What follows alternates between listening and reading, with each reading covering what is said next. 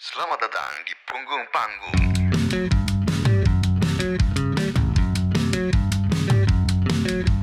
Ini dari tadi by the way, gue cuma menyampaikan banyak yang bertanya Rhapsody nih ternyata ya. komen-komen ya. Luar Cek. biasa nih, ya. baik demand. Bohemian kan? Bukan. Tai Bohemian Rhapsody. Lagu Rhapsody. ya. Yo, dari tadi baik Rhapsody Rhapsody nih. Ini eh, sekarang udah gue bukain lagunya Diskoria dan Dian Sastro dan lain-lain. Judulnya Serenata Jiwa Lara. menarik. Ini juga dari kemarin banyak di request dari teman-teman ya. Silakan Man, di Gue share screen-nya dulu. silakan. Kita play ya. Silakan. Let's go. Wah, baik banget nih kayaknya.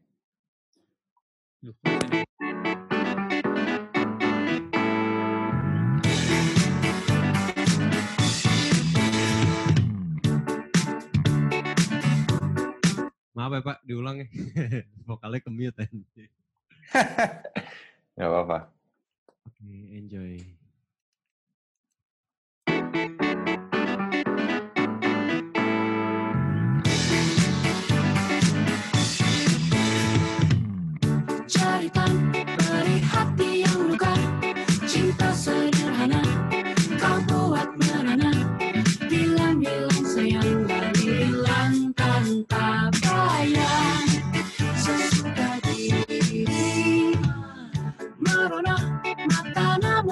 Percuma Kau anggap bercinta Hanya tawa canda. Ajakku bermanja Dan pergi begitu saja. Dalam bumi nyanyian hati serenata jiwa yang lara sini aku pulang Berbenam sudah aku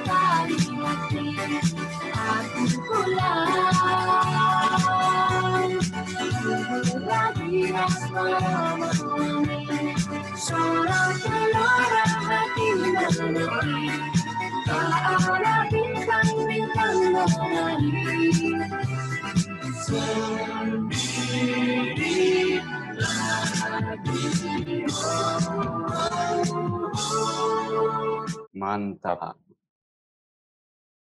Gue baik punya banyak banget pertanyaan nih, Pram. Apa lu dulu ya, Pram? Oke, oke. Boleh, Sip. boleh. Gue jadi kan di sesi live stream edisi ketiga kan ada Merdi kan. Kita ngobrol sempat banyak tentang lagu ini juga gitu. Eh, dia cerita eh, gimana ketika kalian sudah discover Discoria sebelum jauh mungkin sebelum dari lagu pertama juga kalian sempat nonton mereka gitu. Eh, ini mungkin agak out of, out of context dulu ya dari lagu ini. Maksud gue gini kayak yang dibayangkan kita kan biasanya produser itu um, search talent gitu ya, mendapatkan talent. Kita, ingat banget lah kayak misalkan uh, Rick Rubin gitu ketika nge-produce albumnya Beastie Boys tahun 80-an gitu. Di era black hip hop dia dia percaya bahwa uh, wah ini ada anak-anak muda kulit putih bisa nge-rap, gue produserin aja nih album ini gitu. Nah, menurut kalian kalian butuh nggak sih produser untuk mempunyai sense itu kayak feeling kalau wah ini orang bisa kita dalam tanda kutip orbitin nih kalian jadi om-om orbit gitu ya kayak bisa kita Mungkin Pasti. feeling feeling scouting gitu kali ya, Pram? ya? iya iya feeling scouting untuk oh kita kita karyakan deh mereka untuk jadi jadi sebuah album atau apa pun Iyalah, sikat no.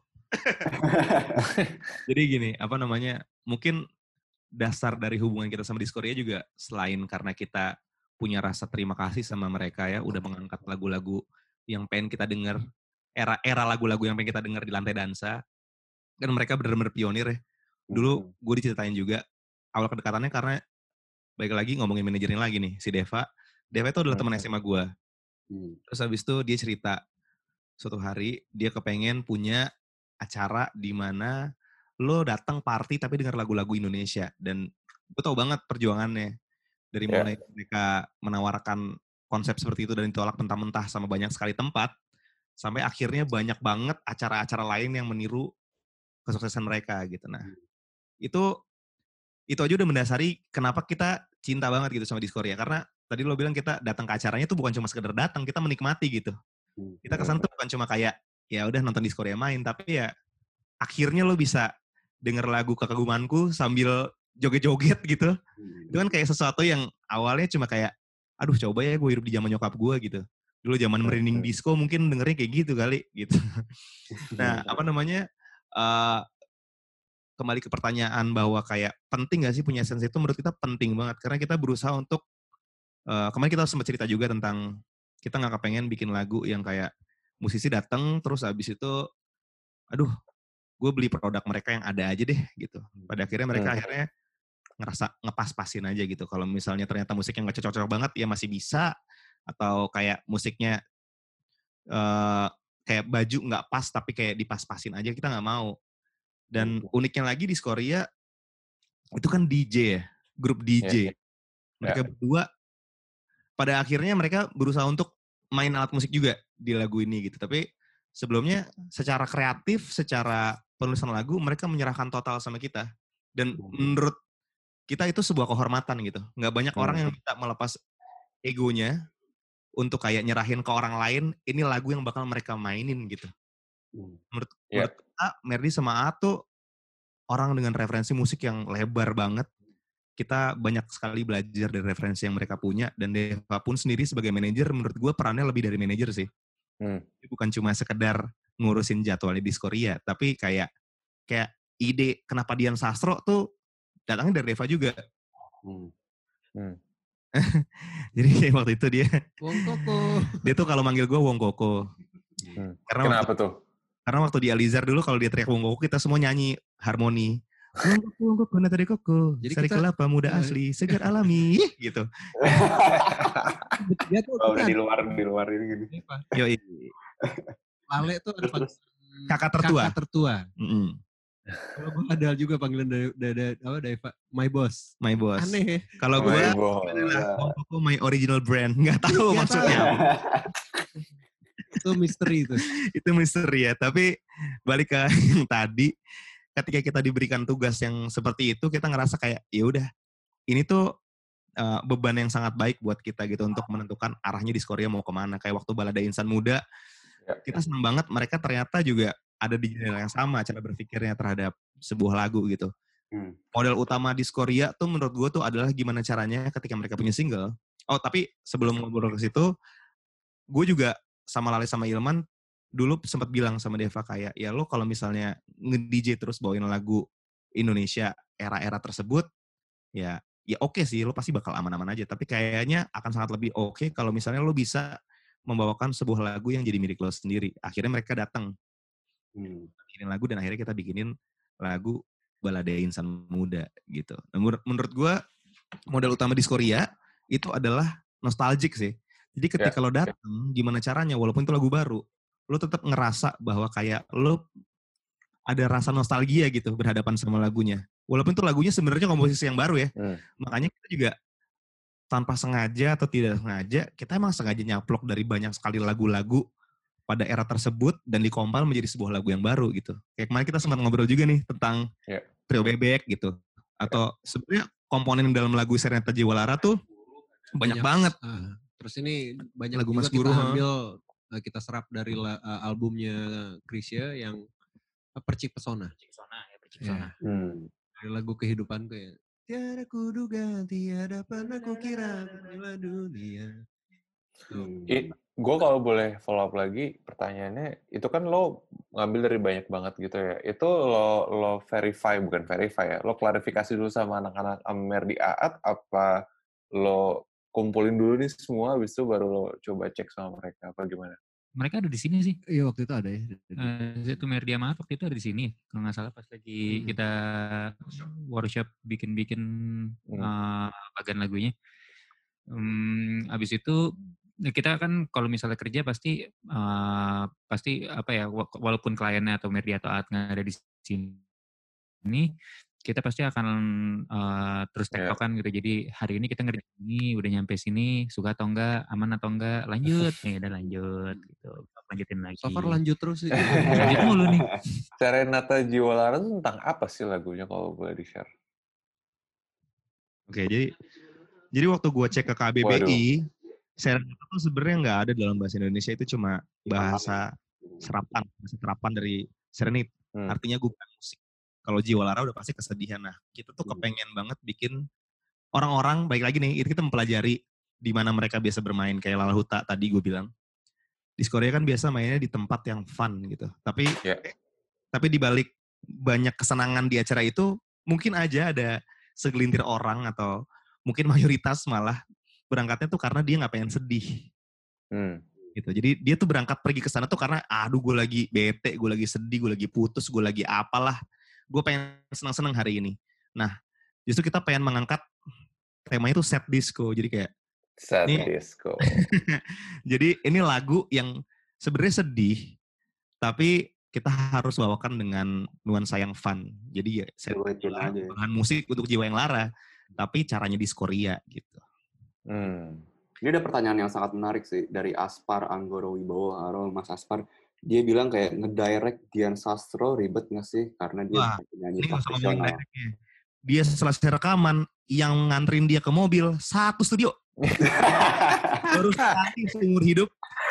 gue gak ikut berangkat keluar karena gue adalah orang yang gantian sama dia masuk ke dalam vocal booth untuk rekaman. Ya, tapi Jadi pas gue mau take mau nyanyi nih, kok orang di dalam studio udah hilang semua. Sampai mobil. gue gue mau ceritain lah ya situasinya sedikit di Iya. Studio waktu dia take. Jadi eh, Dian di take booth gitu di eh, vocal booth. Kita semua di Control room. Kita kayak oh merhatiin gitu. So Sorry man, gua potong man. Ini studionya di mana ya berarti rekamannya? kita waktu Di Bros. itu di Bros Studio. Oke, oke, oke. Terus lanjut. daerah Cilandak. Hmm. Uh, take, oke ada salah kan gitu, terus stop musiknya gimana? Itu semua reaksi bagus. Bagus-bagus efek gitu ya. Oke, oke, oke. Nggak berani galak ya? Kan ini nama lainnya cinta. Cinta kan gak pernah salah. Yoi. Ayo. Gimana Mas Niko? Sih. Anjing, kata berkait. Berapa Mas? Jadi jadi kesimpulannya Dian Sastro eh, tidak susah di direct ya, karena dia selalu bener ya kalau nyanyi ya, gitu ya. Eh, suka apa namanya? Dia penjiwaan sama lagu bagus banget. Mungkin karena dia aktor juga ya. Hmm. Jadi menjiwainya bagus. Jadi dia, dia tiap katanya tuh dinyanyiinnya dengan bagus. Gue rasa tadi juga belum terlalu di breakdown. Tadi kan si Nino bilang ini gara-gara Daiva juga nih si Dian Sastro. Tapi kalau gue tanya lagi, kenapa Dian Sastro? Apakah karena personanya? Apakah apa yang dia represent as a actress lu atau idol? Nanya gimana caranya Dian Sastro akhirnya nyanyi bareng di Korea. It- itu pertanyaan kedua. Padahal men. Jadi Devo itu bilang Dian Sastro seru kali Wong Koko ya. Terus gue bilang kayak, ih seru juga ya. Terus gue kira dia bakal untuk ya udah ntar gue coba tanya. Enggak, dia tetap nyuruh kita deketin Dian Sastro buat nyanyi. Jadi untungnya gue olahraga di gym yang sama sama Dian Sastro.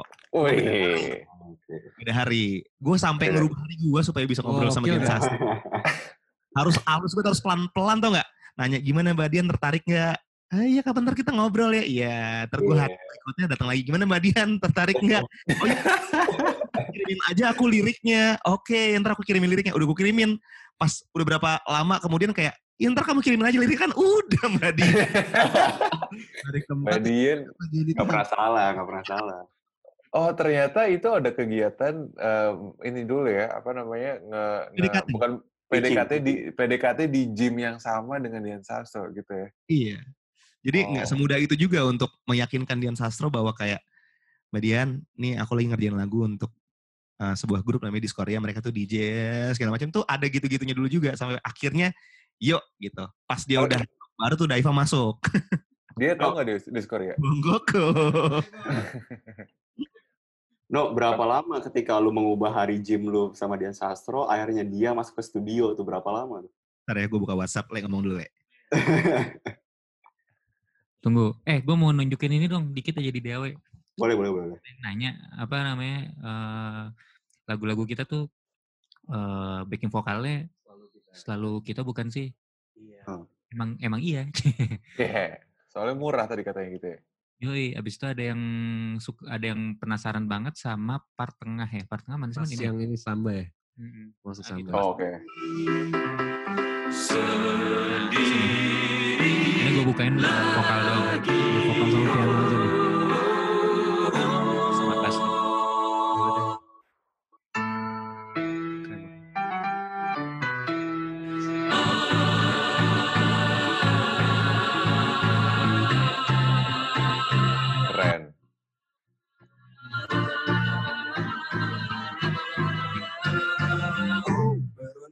namun bercuma kau anggap bercinta hanya canda Ajakku bermanja dan pergi begitu saja ke taman dunia Nyanyian hati cerita jiwa yang waras Ini menyepi ke mana rasa yang ku cari Bila kau tinggalku sendiri Cerita, cerita beri Rumit ya? Iya rumit ya emang. Banyak banget. Jadi emang sebenarnya juga di balik suara Dian Sastro ada kita nyanyi all the way sih. Hmm. Hmm. Mm-mm.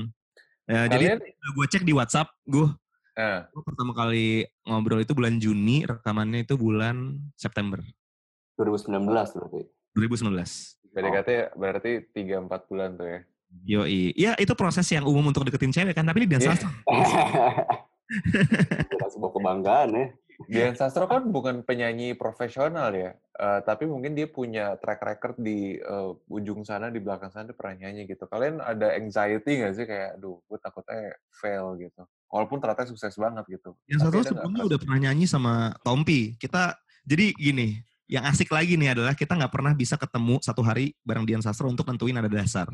Oh iya benar. Jadi yang kita lakukan adalah kita mempelajari lagu yang sudah dinyanyikan sama Dian Sastro barengan sama Tompi. Iya, kita Nah, cari nada Kita cari nada tertingginya di mana tuh, top note-nya di mana. Wow. Akhirnya berangkatnya si lagu di Korea ini adalah mengandalkan nggak boleh lebih tinggi dari top note yang ada di lagunya Tompi. Tapi tersebut. gokilnya ternyata dari awal kita ngerjain lagu ini di nada Udah di situ. ini, ternyata Dian di nada dasar ini pas. Emang jodoh. Oh, jodoh sama Dian ya. Ini kayak memang pengulikannya worth it ya, setara dengan respon orang-orang gitu ya. Ya, karena Iya. kalau buat buat kita sih Dian Sastro kenapa bisa nyaman banget terdengarnya karena ada orang yang nggak biasa nyanyi rekaman gitu, terus abis itu terbebani dengan proses rekamannya atau proses berkarya. Tapi kalau eh, Dian Sastro kemarin itu nothing tulus banget sih, datang dia memang suka nyanyi gitu, suka nyanyi walaupun tidak dipergunakan suaranya untuk eh, kapasitas nyanyi di tingkat profesional gitu kayak di panggung atau di rekaman sebelumnya gitu kayak sesekali mungkin di rekaman. Jadi kayak dia tahu dia punya uh, modal dasar suara yang sebenarnya juga oke tapi mungkin uh, segala macam permasalahan yang ditemui hari itu tuh lebih karena dia nggak nggak terbiasa untuk bernyanyi setiap saat. Gitu. Jadi nggak nggak Iya, susah sih hari itu Kemarin kan kalian sempat mention ada satu part di mana bilang kayak, aduh, Lion itu estetiknya bukan estetik, tapi kayak preferensinya adalah sebenarnya chordnya belok-belok, tapi eh, saat didengerin nyambung-nyambung juga gitu ya. Kemarin kalian sempat bilang gitu. Ya. Ini menurut gue salah satu case tadi paling ideal dari Ilmanino karena sebenarnya belok-beloknya banyak banget gitu. ya. Cuman saat dijahit jadi satu lagu jadi berkesinambungan dan bisa dinikmati gitu ya. Itu proses yang sulit nggak sih? Dan especially kemarin lo mention gitu ya kayak, wah ada pas kita putar lagu apa lo bilang kayak, waduh enak banget nih bikin lagu em, bisa bebas gitu ya. Dan Kayak Bom eh, kayak Bom juga kemarin juga di-mention. Si, gue bisa bayangin mungkin eh, flexibility kalian sama Merdi, Aat, Daiva, dan kawan-kawan nggak se rigid sama klien lain gitu ya. Kalian memaksimalkan itu juga berarti ya Bener, di lagu ini. Iya, jadi karena kita dikasih kebebasan, kita iya udahlah kita total aja mau kita mau ngapain di lagu ini tuh kita lakuin aja lah gitu. Kita nggak nggak Hmm. mikirin lagi eh, apa namanya? Aduh ntar jangan ribet Iya. dong, jangan susah-susah dong, ya enggak gitu. kayak ibaratnya emang mereka nunggu di depan ruangan ini jadi di ruangan ini waktu itu steril cuma kita bertiga doang Iya. kalau nggak salah kita berangkatnya emang pakai piano sama gitar ya Jadi oke, ini eh, ada satu rahasia di lagu ini di Waduh. lagu Romantika, bukan. ini tidak ada gitarnya. yang pertama kali notasinya kita emang pakai piano Gitar dan, dan gitar. piano, Tapi pas iya. dimasukin ke DAW nggak ada gitarnya. Kita Padahal gitar. di video klipnya gue disuruh main gitar.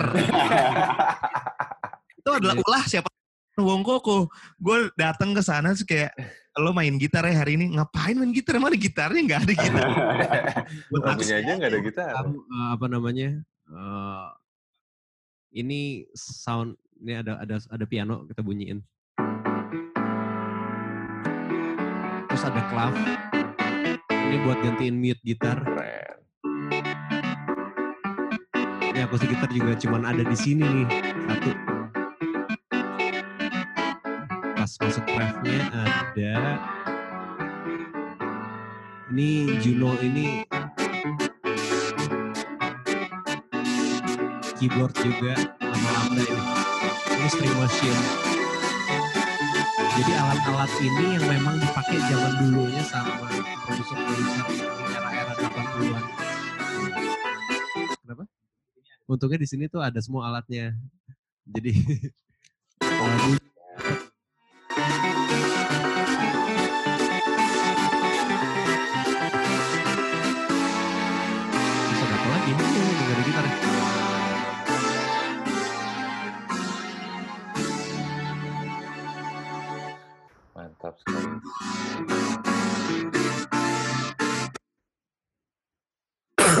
ada pertanyaan, Pram? Puterin Al-Fatihah dong. Al-Fatihah apaan sih? Oh, ini ada ya Al-Fatihah. Oke. Al-Fatihah ya? Mau kasih denger. Jadi emang eh, ini udah menjadi sebuah tradisi yang thank you Wah. banget sudah bertanya karena kita juga nggak pengen ngangkat ini sih sebenarnya tapi kita percaya kalau misalnya lagu ada doanya itu pasti akan bisa menembus banyak sekali batasan-batasan yang mungkin terjadi gitu. Jadi Luar biasa. itu mostly di lagunya Lala Ilmanino tuh kita menyisipkan Al-Fatihah.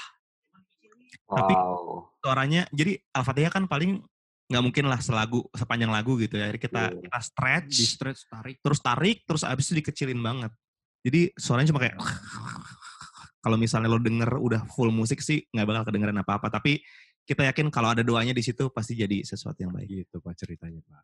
mungkin bisa dengar berarti di semua lagu ada nih Al-Fatihah ya? Insya Allah ada. insya Allah ada coba kasih dengar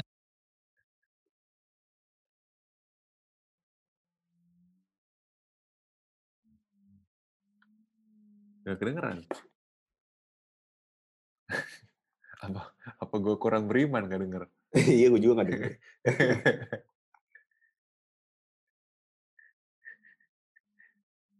Wah, Pram, kayak kita kurang beriman, Pram. Bener kan? Gak kedengeran. Mana orang-orang yang terpilih Pak ya. Iya, iya. tapi itu kalian semua bisa lihat kan itu ada waveformnya kan Betul, betul, betul. Wow, Ini memang kecil sekali. seru banget sih, seru banget. Eh, by the way, teman-teman yang baru datang, terima kasih sudah datang. Nih kita tadi, ini udah sekarang udah sekitar 600 eh, yang menonton dari tadi. Em, dari kita juga nge-store baik banget pertanyaan nih. Eh, gue mau nerusin pertanyaannya Fadli Fikra- Fikriawan, Fikri ya, dari Fist.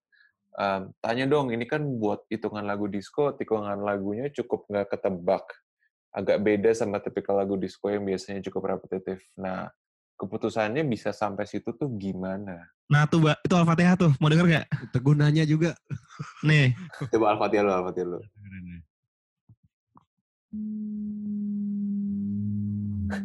Keren anjir. Keren, keren, keren. kayak gitu Sebuah Easter eggs nih. Bagus, bagus, bagus. Oke, udah. Agak serem juga ya tadi gimana pertanyaannya gue Pertanyaannya si Fikri nanya, eh, ini kan hitungan lagu disco, tikungannya banyak banget nih. Agak beda sama tipikal lagu disco yang biasanya hajar terus nih kan. Dan ini keputusan eh, keputusannya bisa sampai situ tuh gimana katanya gitu. Pertanyaannya. Iya gitu aja. Gue juga.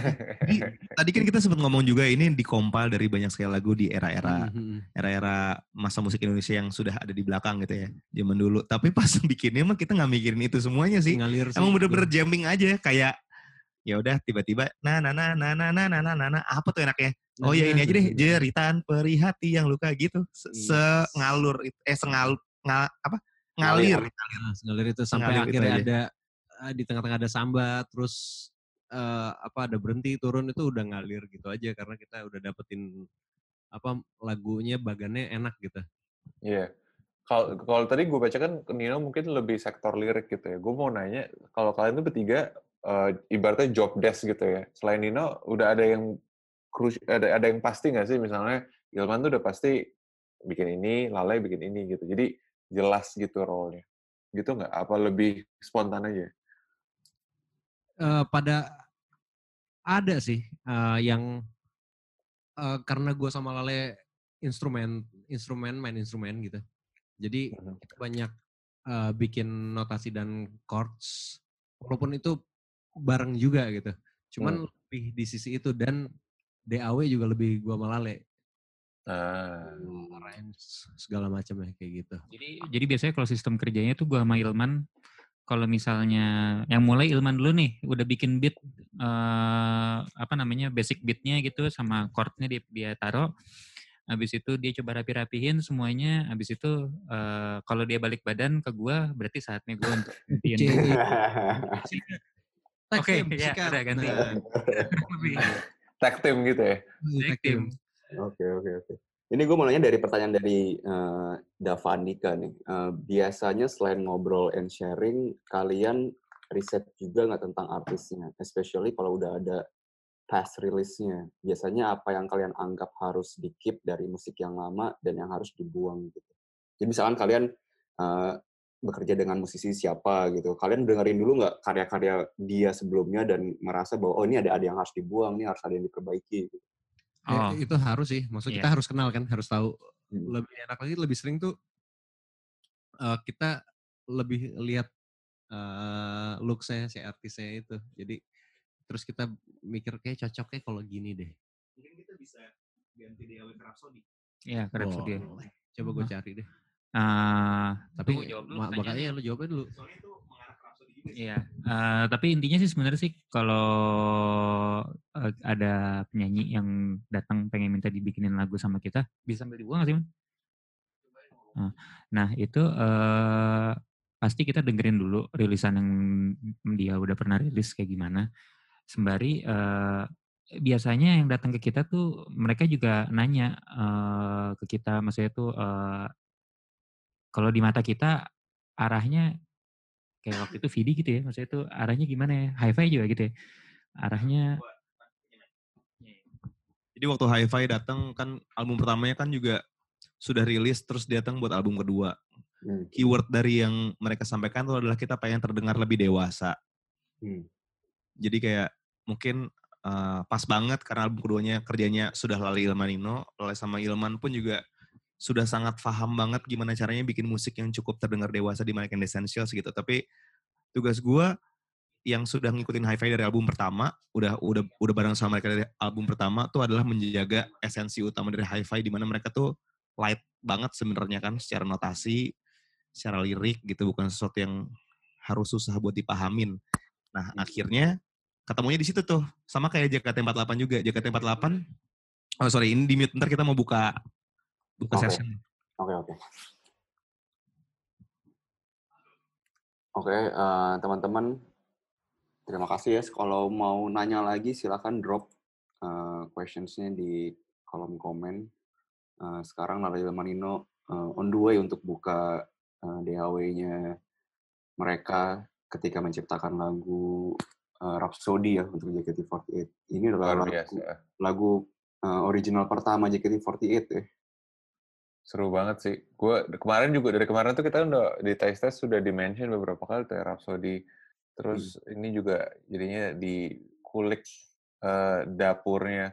Gue juga tadi pengen ngomong kalau mungkin kalau teman-teman yang nonton sekarang tuh bisa mem- memikirkan bahwa profesi di industri tuh nggak cuma tentang anak band doang gitu ya. Kayak teman-teman Ladel Manino gitu sekarang bisa menunjukkan gitu bahwa ada ada profesi lain yang sama serunya dan sama kon- kayak kontribusinya sama esensialnya ke industri musik gitu.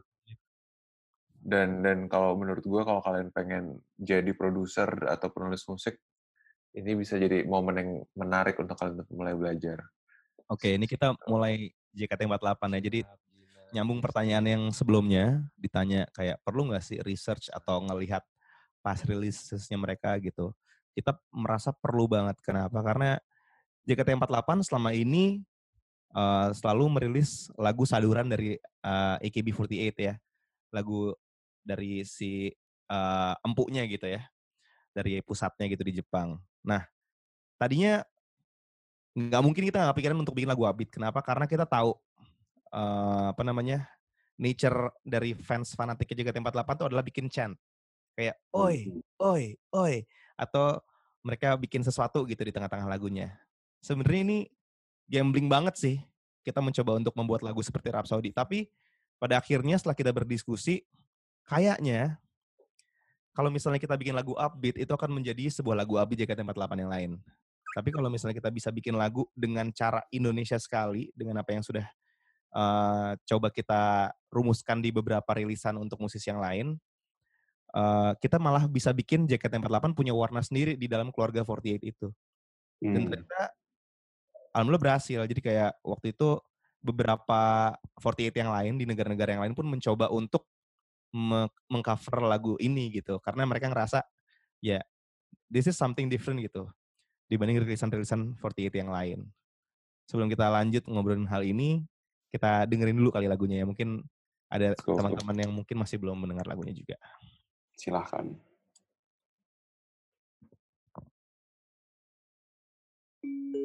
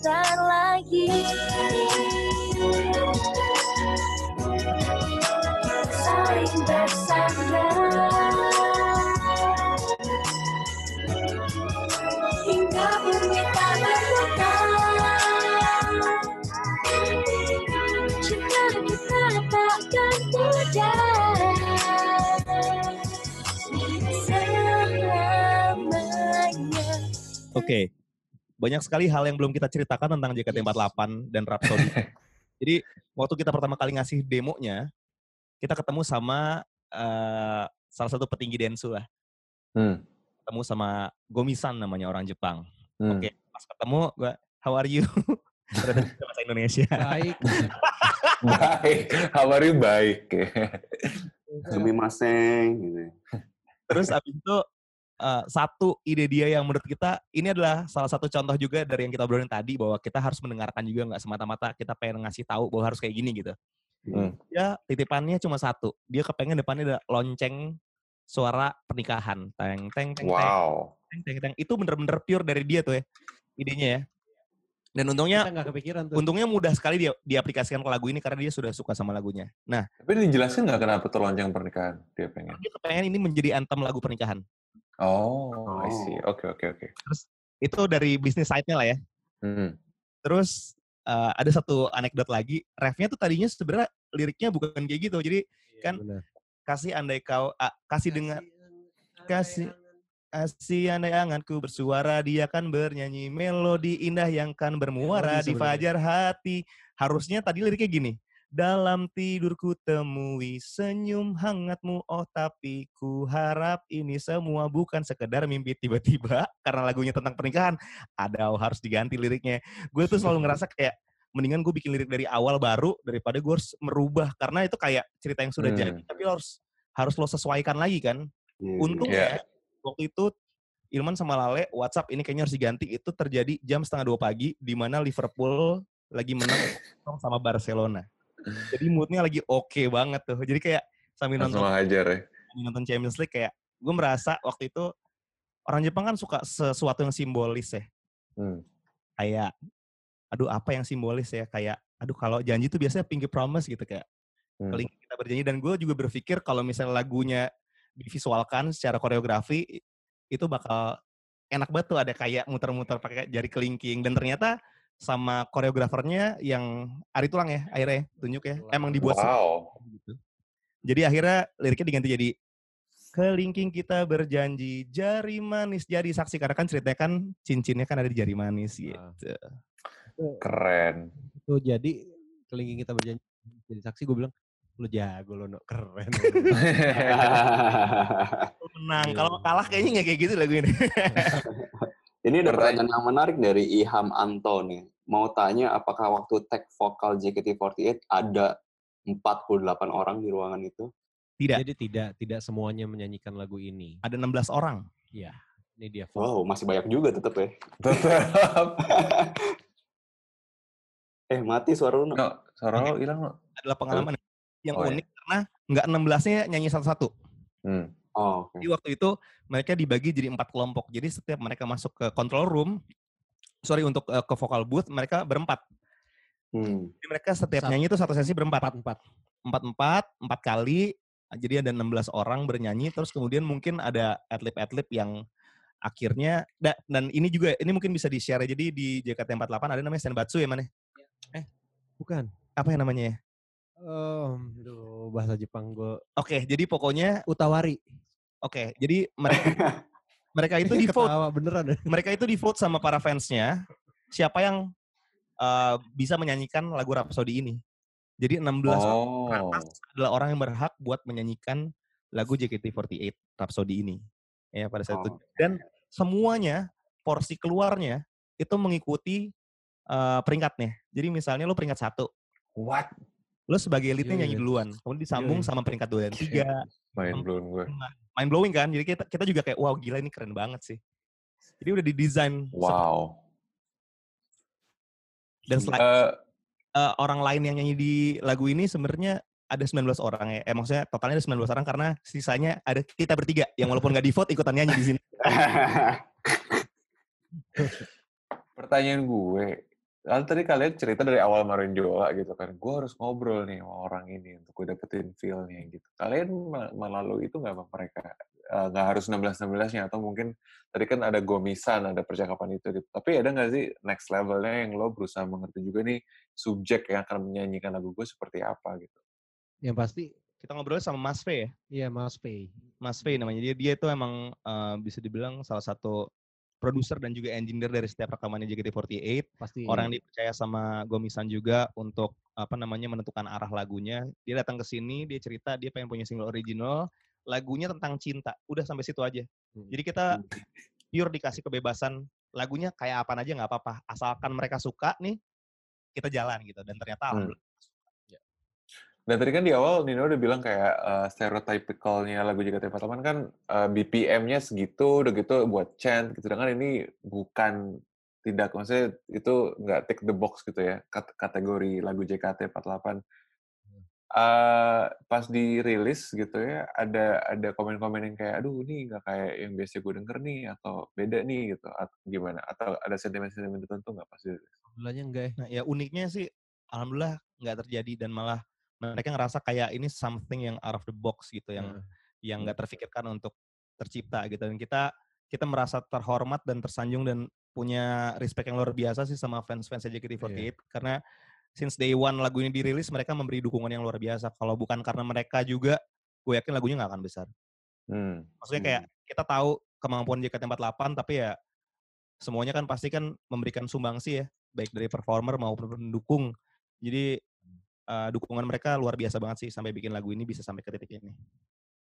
Dari segi DAW ini ada treasure yang menurut kalian perlu di highlight nggak sih? Nah, ini Pram, gue mau ngasih tahu sedikit. Sebenarnya nih drumnya tuh trap lagi. Hancur. Anjir. Banyak yang nggak disoloin. karena udah kebentuk lagunya gitu. Sebenarnya nih trap lagi.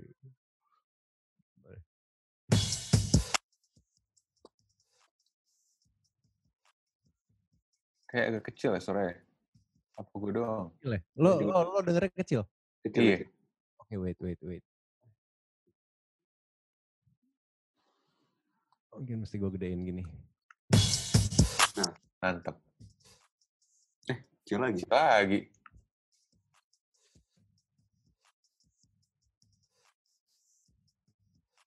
Denger gak? Depannya doang tadi gede, sekarang kecil lagi. Oh, bisa.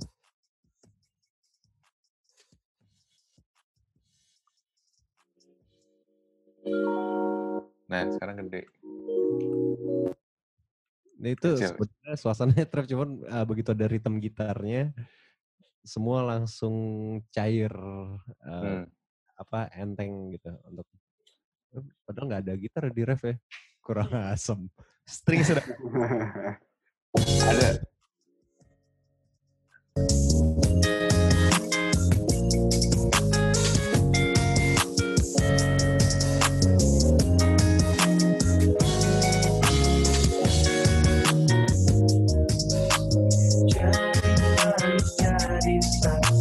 Jadi di refnya ada suara gua sama Nino ya?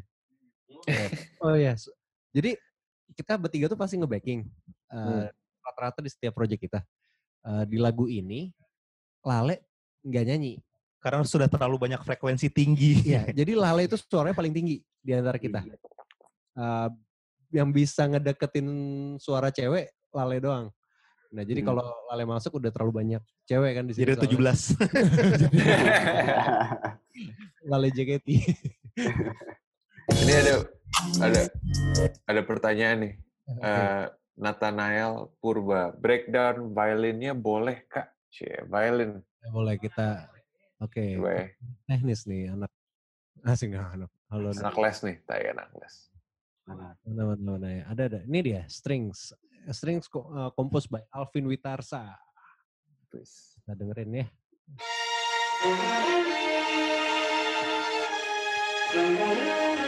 Ada nih all strings, take bareng-bareng ada cello, cello, cello, viola, viola, viola, violin, violin. Berapa piece tuh? Ada berapa? Ini berapa track ya? Banyak sih. sebenarnya. Gak cuma strings, ada brass juga di lagu ini. Dan semua take asli.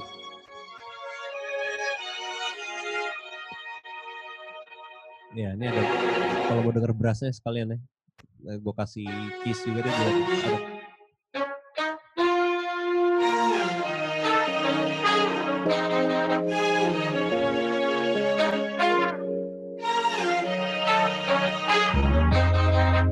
Bassnya gue kita mainnya pakai muk.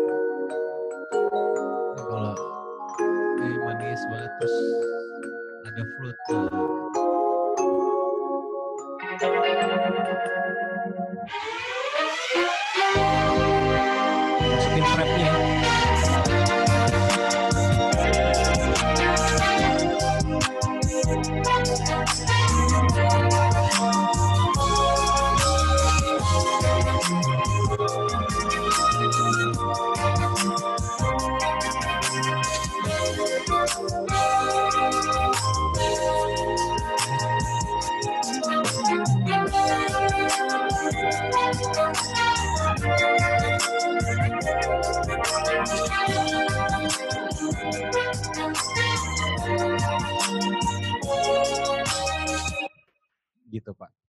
Oke. Mantap. Gue mau nambahin sedikit sih masalah violin. Eh gue merasa pop Indonesia dengan violin tuh kayak meant to be gitu loh, kayak jodoh. Kita sempat kemarin ngebahas Ahmad Dhani. Eh, aduh Ahmad Dhani lagi nih. Jadi Ahmad Dhani, ADP. ADP lagi. Lagu-lagu dia dengan violin tuh menurut gue kayak anjir jodoh banget ya kayak pop Indonesia tuh menjadi sebuah cetak biru gitu dengan adanya violin. Kalian memandang uh, elemen tadi gue mendengar violinnya kayak jadi beda lagi gitu nuansanya gitu. Jadi kayak kalian memandangnya ada violin itu sebagai elemennya sebagai elemen tambahan tuh seperti apa sih di di, di sebuah karya gitu. Iya, kita bertiga tuh lumayan pecinta orkestrasi, ya, terutama violin. Jadi sering banget di project-project yang kita kerjain, uh, kita pengen banget kalau di lagu itu tuh ada strings asli. Hmm. Bukan sekedar tambahan kalau buat kita, tapi itu jadi apa ya no, istilahnya ya? Sebenarnya apa namanya kita suka banget sama orkestrasi tapi balik lagi sebenarnya balik ke fungsinya sih. Iya. Maksudnya ada beberapa lagu yang akan lebih enak terdengar tanpa strings juga. Tapi kalau di lagu Rhapsody ini karena kita juga tahu purpose-nya tuh untuk sesuatu yang sangat sweet ya kayak Kayak Anggun, ya. dari maksud lagunya pun juga pengen ngasih tahu bahwa ini hari di mana gue pengen mengutarakan rasa cinta gue sama lo gitu. Kayaknya emang strings di sini harga mati sih. Ya, Makanya emang kita harus sih. minta tolong sama Alvin Witarsa. Jadi hampir semua lagunya, ham- semua malah ya, Hampir semua lagu Lali Manino yang ada strings aslinya itu dimainkan sama Ah, timnya Alvin Witarsa. Oke.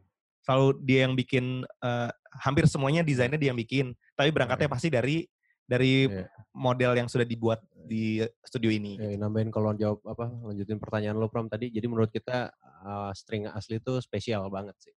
Hmm. Karena bikin suasananya bener-bener hidup dan lebih lebar sih. Oke. By the way, Ruben Aritonang bertanya nih, ini ada layer Al-Fatihah juga nggak? Jadi gini, kayaknya kalau di lagu ini nggak Kita- sempat kita take Al-Fatihah karena kita rekamannya pun bukan di tempat kita rekaman biasa. Jadi kita Al-Fatihah dari sini. tempat rekamannya JKT48 biasa rekaman di Oh, studio oke. Mas V dan kita tuh waktu itu nggak sampai nungguin kelar ya kali ya kita beberapa sesi doang terus habis itu udah terlalu pagi dan kita juga punya pekerjaan yang lain harus bikin lagu yang lain akhirnya kita menyerahkan karena semua hal-hal utama yang perlu diperhatikan tuh sudah di take sama dua sesi gitu tinggal dua sesi setelahnya dan kalau nggak salah mereka beda hari juga ya jadi karena nggak cukup waktunya akhirnya mereka bikin hari yang lain untuk si eh, membernya rekaman lagi yang belum sempat rekaman. Nah di hari yang berikutnya itu kita nggak bisa hadir karena kita harus melakukan pekerjaan untuk lagu yang lain lagi. Jadi emang dan cepet banget prosesnya sampai udah harus mixing ya udah nggak apa-apa. Toh doanya bisa kita doain tanpa harus ada di rekamannya gitu. Baik. Gue mau nanya ini sih, eh, ya. satu lagi ya, kayak tadi kan kita udah ngebahas kalian bekerja sama dengan Marion Jolo dengan treatment seperti itu, dengan Bawidi seperti itu, dengan Diskoria seperti itu, dan sekarang dengan JKT seperti itu. Eh, mungkin kalian bertiga bisa menjawab gitu, apa yang berbeda dari eh, Ran dan Malik setelah melewati 90 lagu gitu di Lale Manino dari Nunung. dari Ran dan Malik. Mm. Iya, impact-nya terhadap band-band kalian tuh ada nggak sih project Ah, ini? Ya uniknya sih lagu terakhir yang Ran rilis juga yang ngerjain Lalil Manino. Karena di edisi project Run yang terakhir tuh kita bikin namanya Omnitrium Perfectum, artinya everything that comes in three are perfect. Jadi kita emang sengaja bikin project egois. Rai terserah mau bikin lagu apa, Asa terserah mau bikin lagu apa, gue terserah mau bikin lagu apa, dan pas edisi gue, gue bikinnya bareng sama Lale sama Ilman. Ini pertama kalinya lagu Run dikerjakan di luar kita bertiga gitu. Hmm. Impact-nya besar banget karena pemilihan eh, komposisi chord gitar yang dibuat sama Asta udah pasti beda sama pilihannya Lale. Terus abis itu insight-nya Ilman dalam ngasih setiap hal dalam elemen musik di sebuah lagu pun juga berbeda sama apa yang biasa gue kerjakan bareng mereka gitu. Dan menyenangkannya adalah ketika kita ketemu lagi, jadi kayak spektrumnya somehow melebar sih. Dari yang Hmm. tadinya gue cuma ngerti apa yang mereka mau, sekarang gue ngasih kesempatan buat Rai sama Asta untuk mengerti apa yang gue dapat dari Lali Ilmanino gitu. Hmm. Jadi kayak ruang untuk bertumbuhnya ada lagi, ruang untuk berkembangnya ada lagi. Kayak lagu yang terakhir dirilis juga judulnya Si Lemah itu sama sekali jauh dari apa yang biasa Ran lakukan. Dan itu emang terserah gue kan kemarin. Jadi kayak gue berdiskusi sama Lale sama Ilman ini kira-kira kayak gimana dan ya entah kenapa hasilnya sih buat gue pribadi karena ini project egois memuaskan banget Hmm. gitu. Kalau kalau di Malik Di Malik, eh, kalau di Malik mungkin eh, agak beda samaran kali ya. Soalnya kalau di Malik kan personilnya ada 6. Habis itu eh, emang kalau di Malik itu kan sebenarnya eh, kita nunjuk satu orang music director gitu yang which is adalah Widi. Jadi eh, emang dia dia bertanggung jawab penuh untuk eh, musik Malik kayak gimana bukan berarti eh, dia yang eh, akhirnya harga mati menentukan gitu tapi tetap diskusi. Cuma maksudnya itu emang dia sebagai penanggung jawab utama lah gitu. Jadi kalau misalnya eh gua sama Ilman yang lumayan sibuk ngerjain lagu-lagu untuk orang lain, sebenarnya justru eh, pada saat ngerjain Malik itu jadi apa ya? Jadi banyak kita bawa sesuatu yang baru Iya, juga ha-ha, dari benar, apa yang benar. kita dapat dari ngerjain. Sebenarnya juga karena kita kan kita eh, kantor eh, studio ini kan ada di, di organik juga di kantor Malik. Jadi hari-hari apa yang kita kerjain tuh anak-anak juga denger gitu. Hmm. Anak tahu gitu kalau lewat ruangan ini tuh kayak lagi ngerjain siapa lu? siapa lagi nih? Siapa lagi nih? ini, ini siapa lu?" Mereka tuh jadi apa ya kayak oh ini enak nih gitu. Bisa ngasih Hmm. insight gitu. Iya, iya, iya, iya. Seru, seru, seru, seru, seru. Mungkin By the way, nih, Gue sorry. ya, mungkin silakan, silakan. adalah gini kayak eh, kacamata kita terbuka lagi kita punya maksudnya kita punya different angle untuk melihat musik lagi ketika biasanya kita cuma ada di dalam studio kayak mengerjakan segala sesuatu bersama-sama tanpa tahu apa yang terjadi di dunia luar. Nah, Lali Ilman itu membuat kita jadi punya kesempatan untuk bersentuhan langsung bahkan cuma bukan cuma ngelihat gitu. Kayak what's going on right now in music industry gitu kayak Hmm. mungkin sedikit banyak kita jadi tahu bumbu-bumbu gimana caranya kayak nggak usah keluar dulu deh di dalamnya aja gitu kayak gue ngeliat Lale sama Ilman menentukan gimana arah lagu progresi chordnya itu bikin gue merasa bahwa kayak oh kita harus mem- membuat sesuatu yang baru juga di gitu misalnya kayak gimana kalau kita coba untuk lebih sophisticated dalam memilih chord untuk sesu- bikin sesuatu yang jangan terlalu ke situ terus mencoba untuk memakai jalur yang lain gitu. Toh pas kita bikin notasi vokalnya itu akan tetap menjadi Ran gitu. Begitu pula juga mungkin di Malik kayak yang tadi Ilman sama Lale bilang karena anak-anak Malik pun juga eh, secara langsung bahkan bukan nggak langsung gitu ya bisa melihat setiap saat pergerakan apa musik yang dikerjakan sama Lale Ilmanino juga mungkin punya insight-insight baru terhadap notasi atau terhadap musik apa sih sebenarnya yang lagi didengerin sama banyak orang saat ini gitu. Ini Angga lagi main FIFA nih. Iya tuh, kedengeran nggak suaranya lagi? Woi, woi. By the way, teman-teman, kalau si Rhapsody sudah tidak ada yang mau di-share, mungkin kita bisa ini kali ya, tutup uh, full screen-nya. Oke. Oke. Mantap. Kita- Nah, Asik nutupnya pakai pelangi kali hari ini ya. Oh boleh, boleh, boleh. boleh. Gue punya pertanyaan pengantar nih, yang mungkin uh, juga bisa dijawab sama teman-teman. Ini mungkin pertanyaannya agak-agak ini ya, uh, semoga tidak terintimidasi ya, Cah gitu. Pertanyaan gue adalah, jadi eh, project ini is it making good money apa enggak sih di Indonesia? Kayak lo bisa nggak sih hidup kalau ini kalau banyak yang nonton nih sekarang ya, lo bisa nggak sih eh, anak-anak sekarang tuh kayak mimpi gue mau jadi produser dan gue mau full time gue ada di situ itu possible nggak sih teman-teman? Dijawab nggak? Siapa mau jawab? Apa yang paling banyak dapatnya nih? Iya. sama kita kita sama rata di sini jadi apa namanya kalau menurut gue ya tadi gue udah sempat nyinggung juga kalau lo mau coba jadi pencipta lagu atau produser you can make a good living from it gitu Hmm. karena kita aja nih notabene dari semua yang kita uh, share sama teman-teman hari ini di punggung panggung kita tuh secara waktu tuh cuma bisa ngasih maksimal 50% karena pasti terbagi dua fokusnya sama band masing-masing, sama pekerjaan band masing-masing, waktu manggung dan lain hal. Dengan 50% waktu yang kita berikan saja, sebenarnya kalau bisa dihitung, kita, maksudnya kita nggak bakal share hitungannya. Tapi Kirain. 50% waktu yang diberikan aja, kita sudah bisa hidup dari situ sebenarnya. Yes. Apalagi kalau teman-teman pengen jadi full time producer atau songwriter gitu. Gue rasa teman-teman eh, bisa mendapatkan lebih dari itu. Cuma perlu diingat satu hal yang penting itu adalah kita bertiga mendapatkan segala macam hal dari Lalil Manino tapi bukan menjadikan itu sebagai motivasinya. Karena emang dari awal kita nggak sengaja ketemu, ngebahas ini, alasan utamanya bergabung adalah untuk berkarya. Dan Hmm. uang itu adalah suatu hal yang akan datang uh, dengan sendirinya, beriringan dengan baik atau enggaknya karya kalian. Jadi fokusnya tuh adalah gimana caranya untuk bisa berkarya yang bagus aja. Karena gue yakin nggak ngomongin Lala Ilman Nino, Nino doang gitu. Ran sama Malik pun juga seperti itu. Kalau misalnya kita dari dulu mikir bikin band untuk cari duit, mungkin bukan duit yang datang, tapi malah kayak nggak tahu apaan gitu. Hmm. Tapi karena kita pengen mencoba berkarya dan banyak hati yang tergerak dari karya-karya kita, akhirnya banyak hal baik yang lain juga yang bisa datang ke kita.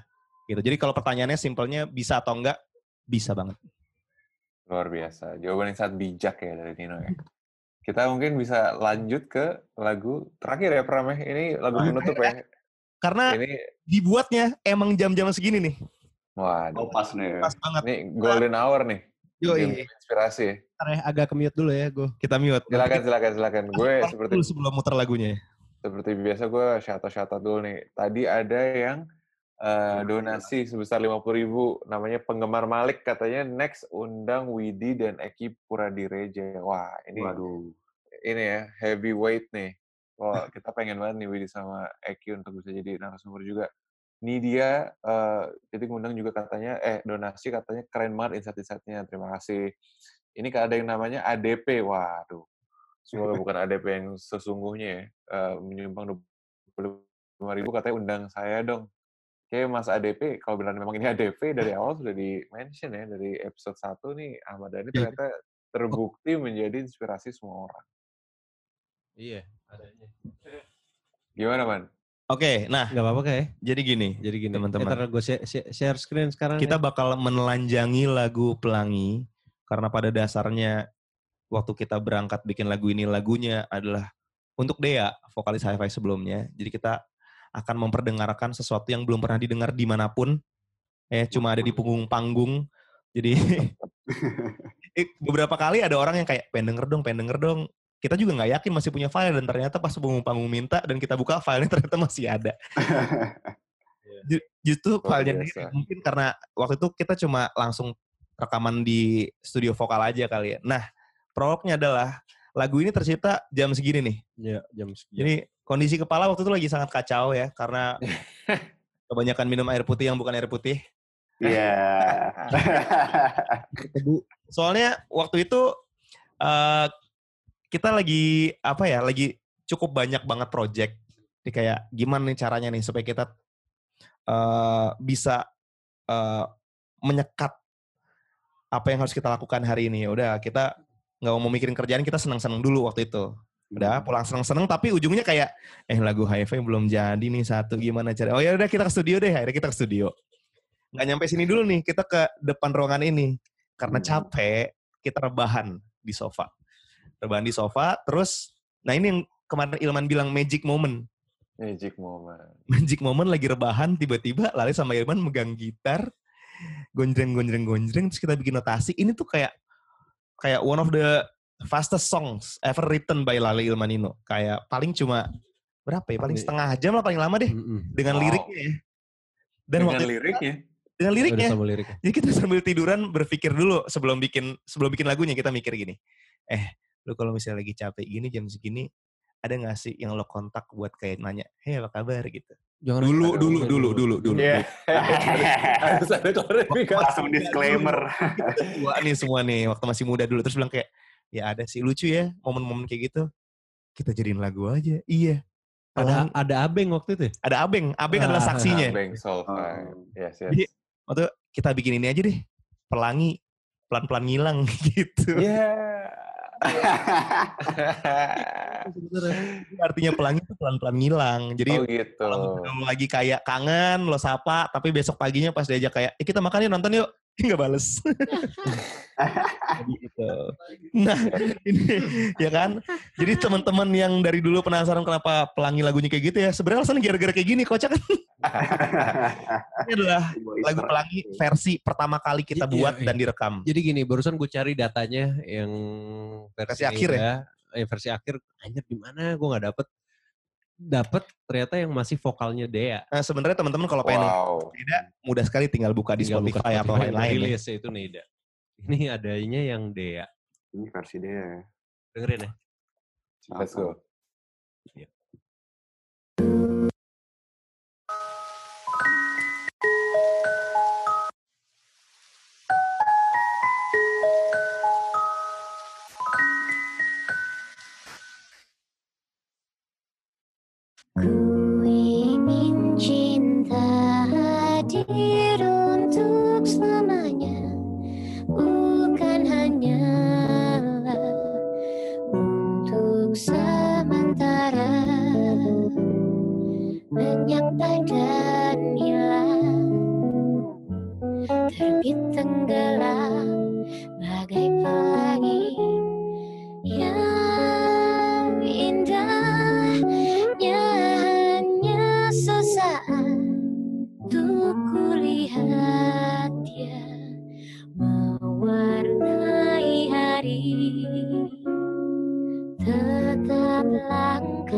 sini.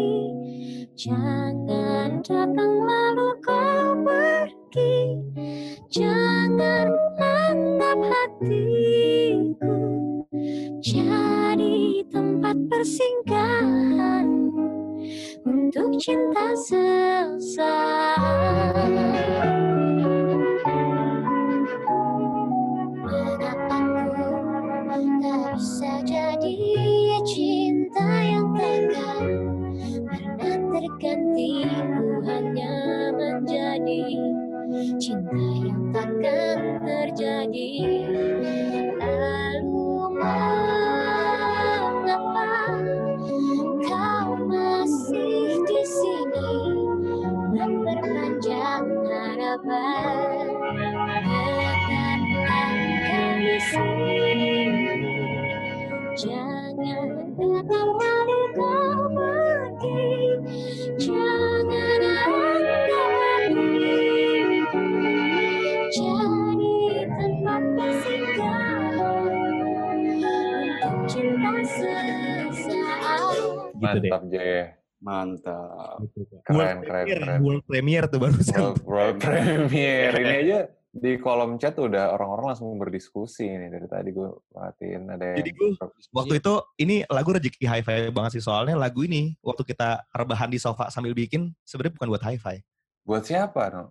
buat Andin. Iya, betul. Wow. Terus entah kenapa hari itu kayaknya dunia email sedang tidak berpihak ya sama kita dan Andin. Jadi message-nya nggak kesen. Pad- kita udah send, tapi ternyata nggak nggak nyampe ke dia gitu. Terus lucunya waktu lagu ini rilis, Nikita Dompas waktu itu jadi musik directornya Andin kan. Hmm. Dia ngontak kita, gile lagunya. Kenapa nggak lo kirimin gue sih? Lah, gue kirimin tau. nggak pernah nerima. Dan di saat yang sama, uh, waktu itu anak-anak hi-fi minta banget karena perlu satu lagu buat nonjolin penyanyi wanitanya sendirian gitu. Hmm. Terus lah, wah ini kayaknya Andin gak ada kabar, ya udah kasih aja deh gitu. Ya dikasih ternyata ya alhamdulillah jadi sesuatu juga sama hi-fi. Penuh dengan Bukan hasil yang misteri ya dikeluarkan ya dengan vokalis baru waktu itu sama Neda. Hmm. Ini gue follow up banyak pertanyaan di kolom chat nih. Katanya tadi pelangi pelan-pelan ngilang kayak Dea gitu katanya. Banyak yang. Nah, ini, ini juga klinik lagu ya, nggak tahu waktu itu juga klinik lah, klinik Bu- bukan klinik Taiwan, klinik aja. klinik lagu jadi beberapa orang juga sempat bilang kayak kayaknya judul lagu tuh mempengaruhi deh gitu kayak ya nggak tahu sih.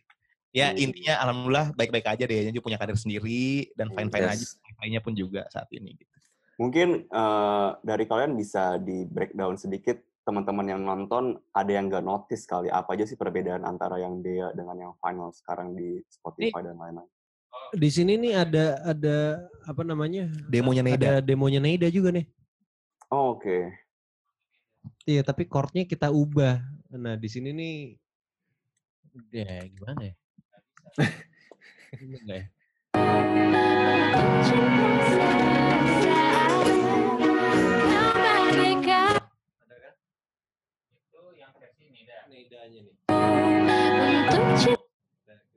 Ku ingin cinta Nah, hadir untuk selamanya Bukan hanyalah untuk Menyapa dan hilang. Terbit tenggelam bagai gitu pak. Perbedaannya di bridge. Jadi waktu di bridge-nya eh, Neida itu kita ubah nada dasarnya. Kan, gas lagi kan ke apa namanya suaranya Neida gitu. Ada Hmm, perbedaan chord di bridge sebenarnya. Oke. Secara aransemen ada yang berubah nggak? Aransemen sih enggak eh, bunyinya soundnya tetap sama Overall enggak ya? overall enggak Hmm. chordsnya kita ubah dikit Kalau misalnya ada yang penasaran Hmm. sound gitar, itu pakai hollow ah, ah, ini gitarnya. Pakai mic. Nggak kedengeran. Kalau ada yang penasaran sama sound gitar, kan pada Mhm. ngulik tuh ya nih gitarnya. Gitar gitarnya kok kayaknya susah banget. apa. kan? Pengen tahu kayak gimana cara gue ngetik gitarnya? Dipotong-potong pak. Eh, karena ini zaman teknologi paham ya Kalau gue Mas Gerald Situmorang sih langsung sekali jalan. Pak. Mas Gera. Pas gesit deh. Sikat. Ya, pindah. Oh, Oke. Oh gitu. Ini Ini nger- yang ngerja, satu. ngerjain yang main live nih berarti ya kalau Mang Boy ini. Yang ngulik sih hari-hari katanya tadi kan nguliknya kan. Nah, ya.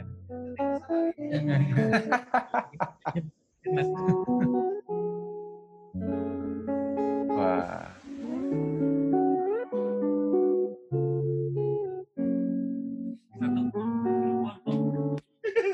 jadi jadi per chords emang oh kalau ada bagian sulit berhenti mulai lagi take lagi jadi kita bikin simple aja lah ngapain ribet-ribet pak Febri nanggepinnya gimana tuh pas dia bawain live? Apakah dia kayak, oh ya anjir susah nih live-nya gitu. emang gitar gitu. itu sempat kayak anjir gue mesti ngulik dulu nih gue mesti ngulik dulu tapi mereka bisa mereka kulik dan mereka bisa gokil Oh. Tapi ini juga satu anekdot yang eh, mungkin juga bisa jadi apa ya eh, reference atau knowledge baru buat teman-teman semuanya gitu. Jadi kayak banyak sekali lagu-lagu yang memang pada saat itu karena kita emang harus mengerjakan dengan cepat, dengan timeline dan segala macam hal, kita juga menuntut para musisi yang harusnya memainkan instrumen tersebut buat nurunin egonya gitu. Kalau kalau misalnya lo butuh waktu ber- beberapa hari untuk ngulik, tapi ternyata kita bisa ngetikin dengan lebih cepat, ya alangkah baiknya kalau kalian serahkan sama kita, habis itu tinggal pertanggung jawabannya, kalian di panggung belajar itu untuk bisa eh, ngasih tahu bahwa ya even though di dalam rekamannya bukan mereka yang mainkan, tapi mereka pun bisa memainkan juga gitu.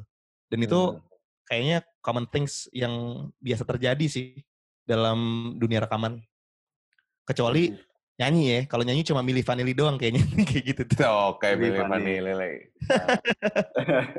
Dari awal kan tadi Marion Jola, terus ada Mi- Widi Mulia, kebanyakan solois ya, ini kan band ya formatnya. Beda nggak sih pendekatannya? Kalian mikirnya mindsetnya, oh band nih gitu. Apa sama aja saat bikin lagu ini?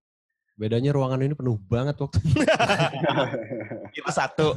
satu Pendekatannya berbeda sih karena kalau misalnya kita ngobrol sama solois pasti kita cuma butuh untuk menganalisa apa yang dia mau seorang diri. Tapi kalau misalnya band nggak gitu, Ya. ketika kita ngelempar sebuah ide, mereka pun juga pasti akan mendiskusikannya terlebih dahulu. Jadi kayak kita perlu mengenal masing-masing dari personilnya Hmm. dan berusaha untuk memahami apa yang mereka mau satu-satu.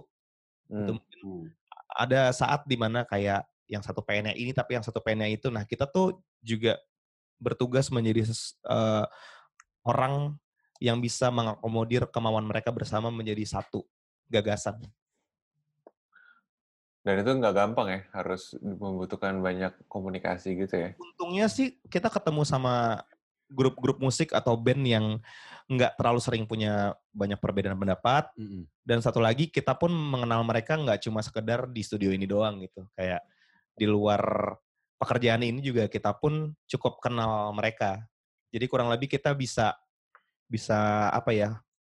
eh, apa ya namanya istilahnya? Bisa memperkirakan lah apa yang mereka Hmm. mau. Hmm. Menarik, menarik. gue mau nanya deh, kayak ini agak keluar dari lagu Hi-Fi sih. Dari eh, katalog kalian 90 lagu ini, kalau diminta pilih ya dari masing-masing personil gitu, mana yang menurut kalian, oke ini paling yang berhasil gitu ya, dalam tanda kutip, dan ini yang mungkin eh, agak gimana gitu. Wah, Ya. semua ya. Semua yang berhasil keluar dari komputer ini berhasil.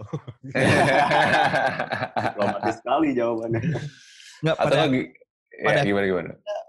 apa namanya nge-treat karya-karya kita yang kita buat untuk orang-orang ini tuh nggak pernah bisa kayak lo nggak bagus itu nggak bisa sih. Karena satu keluar dari kepala kita juga, sama yang kedua eh ada analogi kita memandang eh sebuah karya tuh kayak bayi juga gitu kayak lu mungkin gak sih lu punya anak mau separah-parahnya anak lo berbuat sesuatu di luar lo pasti akan tetap membanggakan anak tersebut dalam hati gitu. Cuma Hmm, kalau hmm. misalnya disuruh milih satu yang prosesnya luar biasa banget, gue sih pribadi milih Pelangi sih. Kenapa? Karena Pelangi itu adalah karya yang terjadinya kayak gitu aja, terus melalui banyak sekali proses kayak tadinya buat orang nggak jadi, terus dipakai sama orang lain, udah direkam terus ternyata orangnya keluar, terus kita ganti sama orang lain lagi gitu. Luar Jadi biasa. mengalami banyak sekali peristiwa si pelangi ini dan kayak barusan denger lagu Hi-Fi nggak tahu kenapa kayak gue jadi kayak cukup sentimental gitu kayak eh, apa namanya haru aja gitu wow udah lama juga ini lagu dibuatnya gitu. Nah itu itu tuh kayak hal-hal magis yang mungkin bisa dirasain sama seorang pencipta sama produser sih. Karena lo tahu dari titik nol lagu itu berangkat sampai akhirnya lagu itu dikenal sama orang lo kan eh, apa namanya nggak kepikiran gitu waktu lo mikirin kata-katanya pertama kali tetaplah Hmm. engkau di sini jangan datang lalu kau pergi. Tadinya cuma kita dong yang tahu di kepala kita gitu.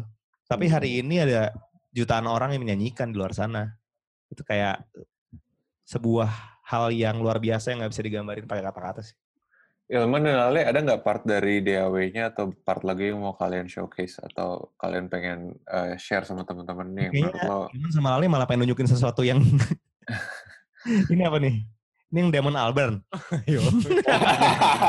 Oh ini mungkin mau mencari penyanyinya ya siapa nih? Iya, pitching di live stream. Oh. Kepopan ini. Gimana man? Ini ada yang mau lo showcase lagi nggak dari DAW ini? Mau lo tunjukin lagi nggak? Dari, Pelangi. dari dari lagu Pelangi betul. Eh, cuk, enggak sih, eh, cuman emang ini lagu agak beda aja. eh, balladnya yang balladnya beda gitu menurut Hmm. kita bikin karena enggak enggak ya pak lagu-lagu ballad yang biasanya gitu, enggak kayak kayak gitu. Hmm. Baik. Oke, mungkin kita bisa ah, ini Iya. kali ya pindah ke eh, oh Ale mau nunjukin satu le? Coba coba. coba. Gak ada suaranya. Serem enggak? ini malam Jumat bohong. Track nafas apaan? Udah cukup sih. Oh, stringsnya kita nggak pakai strings asli sengaja karena eh, apa namanya biar dapetin suasananya. Iya, pengen intim intim gitu rasanya terus tight. dan waktu itu emang baru beli Melotron kan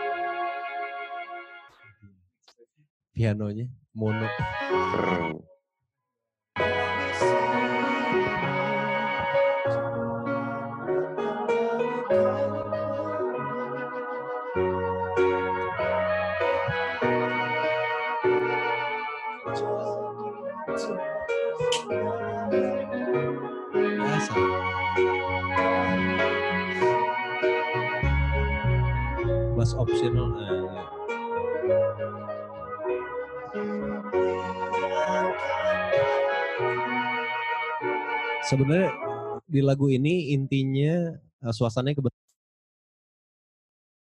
Suara lo hilang, Man. ya eh, suasananya kebentuk dari sound-sound melotron ini sih. Ya.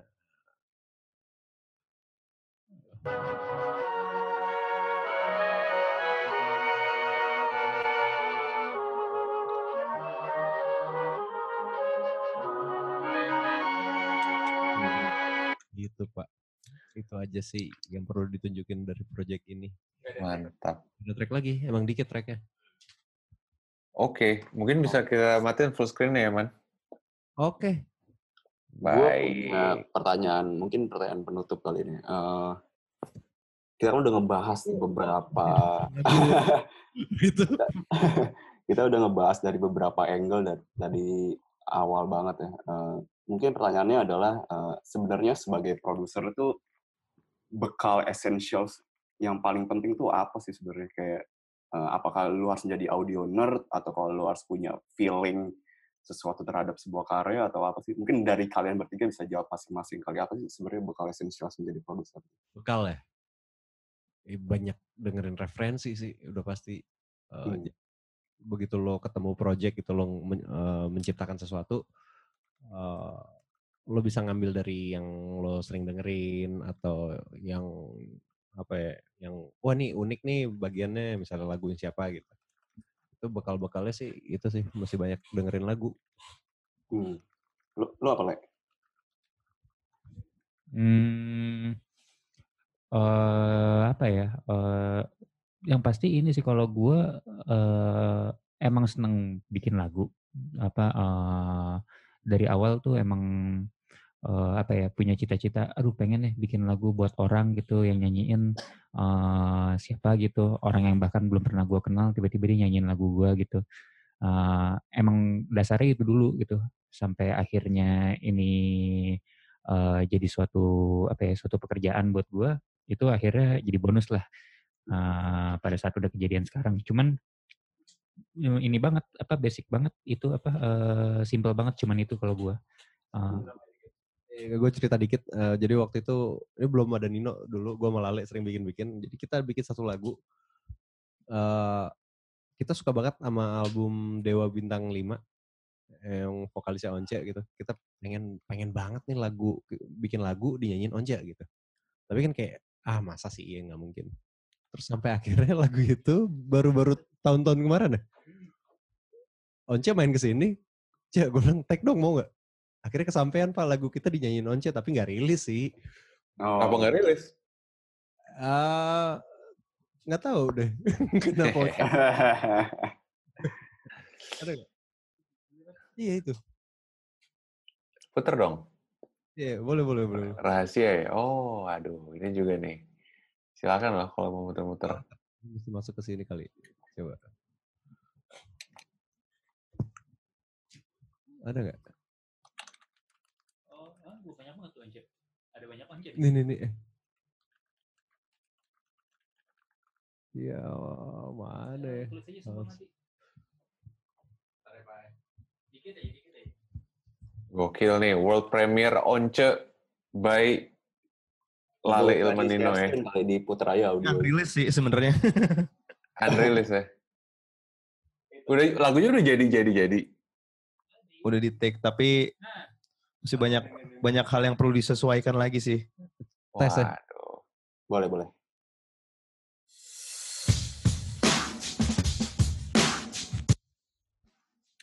Eh. Ah, mati suaranya. Hilang. padaku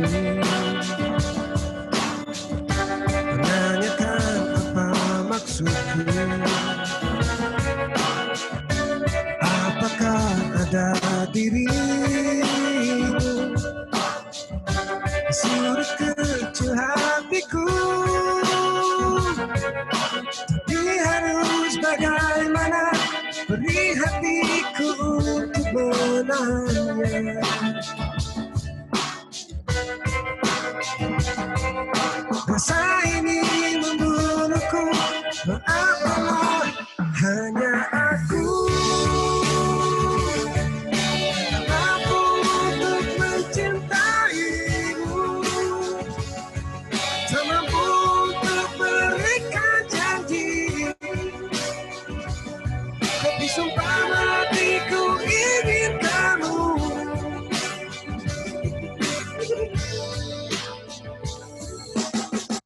Udah cukup ya. Aduh. Aduh. banget, Bos. Bang, lagi dong bang, lagi dong. Oke, oke. Lagi gue mau ngasih denger nih sisi lain kita nih. Waduh, hari ini kita banyak dapat ini ya, dapat bocoran nih.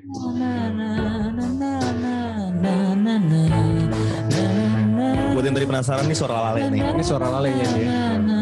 Oh, ini lale. Ya,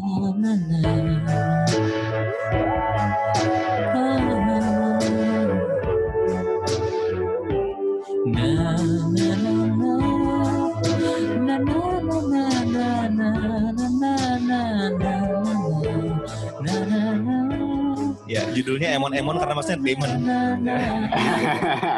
Kita dengerin albumnya Salah satu kelemahan kita adalah ngasih judul file. Wah, mantep. Karena nyanyi lalu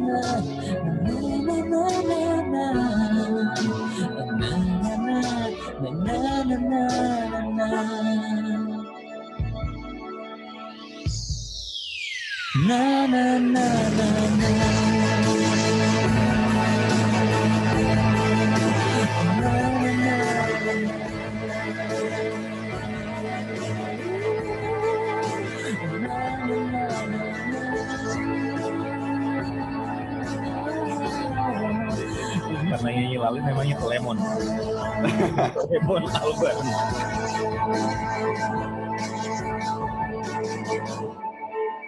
Mantap. Jadi, Kelar Pak, belum kelar Pak. oh, oh iya belum. Anjing.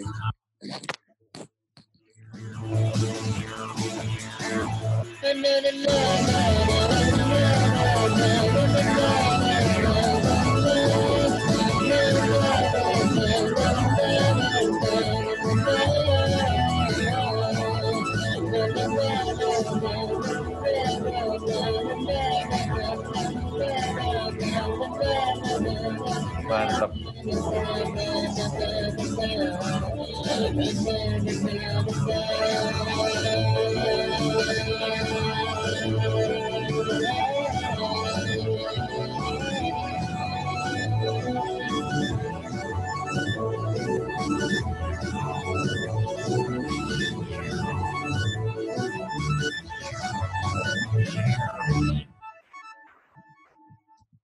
Gila.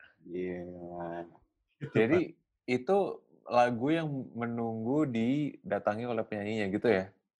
Iya, kita belum tahu siapa yang Kita berulang kali juga sempat ketemu sama momen-momen kayak gini sih. Kayak kita suka banget sama sebuah lagu, terus ada orang yang nawar lagunya buat dia nyanyikan, tapi karena kita ngerasa lagunya bukan buat dia, akhirnya kita nggak kasih. Siapa sih contohnya? Kayak- Banyak-banyak kayak, Oh, kayak aduh siapa ya? Lupa sih kalau misalnya harus nyebutin lagunya gitu. Ada beberapa lagu yang kayak, enggak, kita alasannya cuma enggak aja, karena menurut kita enggak gitu. Jadi enggak ada Ah. kayak lo orang suara kayak gini lagunya kayak gini. Enggak kayak feeling feelingan juga gitu. Kayak ibaratnya anak lo mau dilamar sama orang nih terus jodohnya nggak sesuai sama mau lo gitu.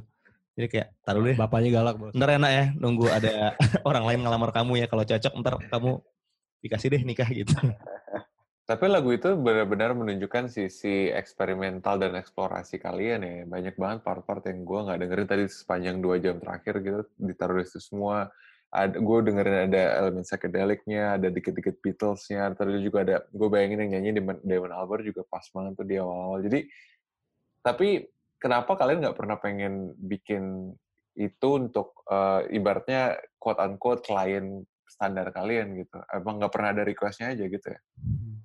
Ya balik ke yang tadi sih kalaupun misalnya tiba-tiba klien Nggak yang pas ya? minta tuh nggak pas menurut kita ya nggak bakal kita kasih juga Tiba-tiba kayak pemenang idol gitu minta lagunya yang tadi Damon Albarn gitu. Wih, gue beli. gitu kan. ya tapi maksudnya kita dengan nunjukin lagu-lagu barusan juga pengen ngasih tahu lagi mungkin banyak teman yang baru bergabung juga bahwa sebagai produser dalam cipta lagu kita nggak boleh ngasih batasan dalam karya yang akan kita tulis gitu kayak versatility yang uh, dibutuhin tuh bener-bener selebar itu kita harus siap untuk ngerjain segala macam hal me- Betul. mengandalkan segala macam referensi yang kita punya Karena balik lagi kita bertiga dengerin lagunya kalau teman-teman dengerin tes-tes kemarin juga beda-beda banget. Nah, Yes. modal dasar yang perlu banget dimilikin sama seorang produser apalagi kalau kalian juga tim seperti kita bertiga gitu untuk bisa bikin lagu macam-macam. Oke. Baik. Itu lumayan menjawab tadi pertanyaan gue, no ya, bekal esensial sebagai produser tadi. Nah, kalau bekal essentials sebagai produser sih menurut gue kalau peramal itu kan dituntut untuk bisa melihat masa depan ya. Kalau produser dan songwriter tuh menurut gue dituntutnya untuk mendengar masa depan sih. Maksudnya kayak eh, kita harus bisa ngebayangin sound seperti apa yang bisa terjadi di masa yang akan datang yang proper untuk bisa dinikmatin sama industri saat itu gitu. Kayak waktu Marion datang, waktu Hi-Fi datang, waktu semua lagu yang tadi kita kasih denger datang gitu. Kita pasti akan mencoba untuk eh, bervisi ke depan apakah lagu tersebut bisa dijadikan kendaraan yang baik untuk musisi yang datang ke kita gitu. Karena eh, sama seperti omongan kemarin juga kita merasa tugasnya Lali Ilmanino itu bukan bikin lagu, bukan ngeproduce lagu, tapi mengawal mimpinya musisi yang datang ke kita untuk bisa sampai ke tempat yang pengen mereka tuju. Hmm. Oke, menarik banget ya. Eh, pembahasan kita hari ini, baik lagi kita sudah hampir menghabiskan waktu tiga jam. Luar biasa. Ini kayak paling lama kita punggung panggung ya, Pram? Hampir tiga jam ya? Iya, dan banyak eh, lagu-lagu yang supposed to be tidak didengarkan, tapi Lala Ilmanino malah mendengarkan. ya. Jadi Bagus, gua- bagus, bagus, gua pribadi bagus. sih sangat berterima kasih atas. ya. Dua jam lagi nggak? Oke, Eh, kayaknya kita sudah masuk ke penghujung acara. Udah hampir tiga jam tadi kata Pram. eh, ini rekor terlama punggung panggung. Dan juga mungkin karena kita ngobrol sama tiga orang, jadi banyak eh, opini-opini. Jadi eh, terima kasih teman-teman sudah nongkrong dari jam 9. Hampir tiga jam nih kita ngobrol. Masih ada, di, di gue masih ngeliat sih masih sekitar 600-an lebih yang nongkrong di sini nonton. Pertanyaan dari tadi juga menarik banget. Ada yang nanyain soal songwriting, inspirasi, partnership. gue harap sih ke- eh, dengan adanya teman-teman yang nonton juga Lale- Lale Ilmanino jadi sama-sama bisa belajar juga profesi produser songwriter tuh apa impact-nya apa terhadap industri eh, struggle-nya apa dari tadi juga lagu-lagu yang dijejerin menurut gue ada yang tadinya lagunya buat hadiah buat suami terus jadi dirilis ada yang memang buat grup besar kayak JKT48 terus ada Easter egg yang harusnya penyanyinya dari Andin terus jadi penyanyi yang lain terus jadi akhirnya penyanyi yang menurut gue perjalanannya baik banget ya dari jam 9 malam tadi dan gue dan eh, gue harus mengucapkan terima kasih banyak ke Lale Ilmanino. Terima Thank you teman-teman. Teman-teman. Semoga tidak kapok kita ajak ngobrol. Eh, thank you juga buat yang donasi, thank you buat yang standby. Pram ada tambahan Pram? gue juga mau berterima kasih juga sih eh, lagi-lagi ke Lale Ilmanino karena eh, bagi gue di dekade sekarang ini ada istilah pop Lale Ilmanino itu sangat sahih ya mungkin di dua di Mantap. di 80-an Mantap. kita punya kita punya tren pop kreatif ya Fars RM dan kawan-kawan dan itu dari 2015 sampai hari ini mungkin sampai lima tahun ke depan juga dan sampai ke depannya lagi jauh gitu pop Lale Ilmanino ini masih masih terus eh, berkumandang gitu ya di beberapa musisi yang sporadis tadi gitu. Jadi eh, terima kasih banget Lale Ilmanino banyak banget pembelajaran yang kita dapat hari ini. Teman-teman juga terima kasih sudah menonton punggung panggung eh, dari eh, live stream ini. Kalian bisa mendengarkannya lagi nanti di YouTube channel Sounds from the Corner atau di podcastnya Gordy Club. Jadi eh, oh ya teman-teman kalau nanti mau eh, request siapa narsum berikutnya yang ingin kita ajak bicara tentang tes-tes maupun panggung-panggung silahkan di drop komennya di Sounds from the Corner maupun Gordy Club ya. Itu aja sih gue. ucapin terima kasih ya guys. Maksudnya apa namanya ya produser sama pencipta lagu emang pada akhirnya akan selalu dianggap sebagai orang di belakang layar tapi media seperti Sounds from the Corner hari ini ngangkat punggung panggung juga membantu kita banget untuk ngasih tahu apa yang sebenarnya terjadi di belakang layar sama publik gitu. Karena yang mereka tahu kan pastinya ketika lagunya rilis, lagu ini dinikmati, tapi mereka nggak sering dapat kesempatan buat tahu perjalanan sebelumnya sampai mereka bisa mendengarkan lagunya. So iya. thank you so much. Thank you Agordi Club Terima juga. Terima kasih. Agordi Club juga. Doa gue semoga lagu Demon Albar menemukan penyanyinya. Lu gak mau nyanyi gue? Gak, gak mau. Gue lihat-lihat sih Suryo cocok nih. Iya, Suryo Kanunu nih. Kanunu cocok nih.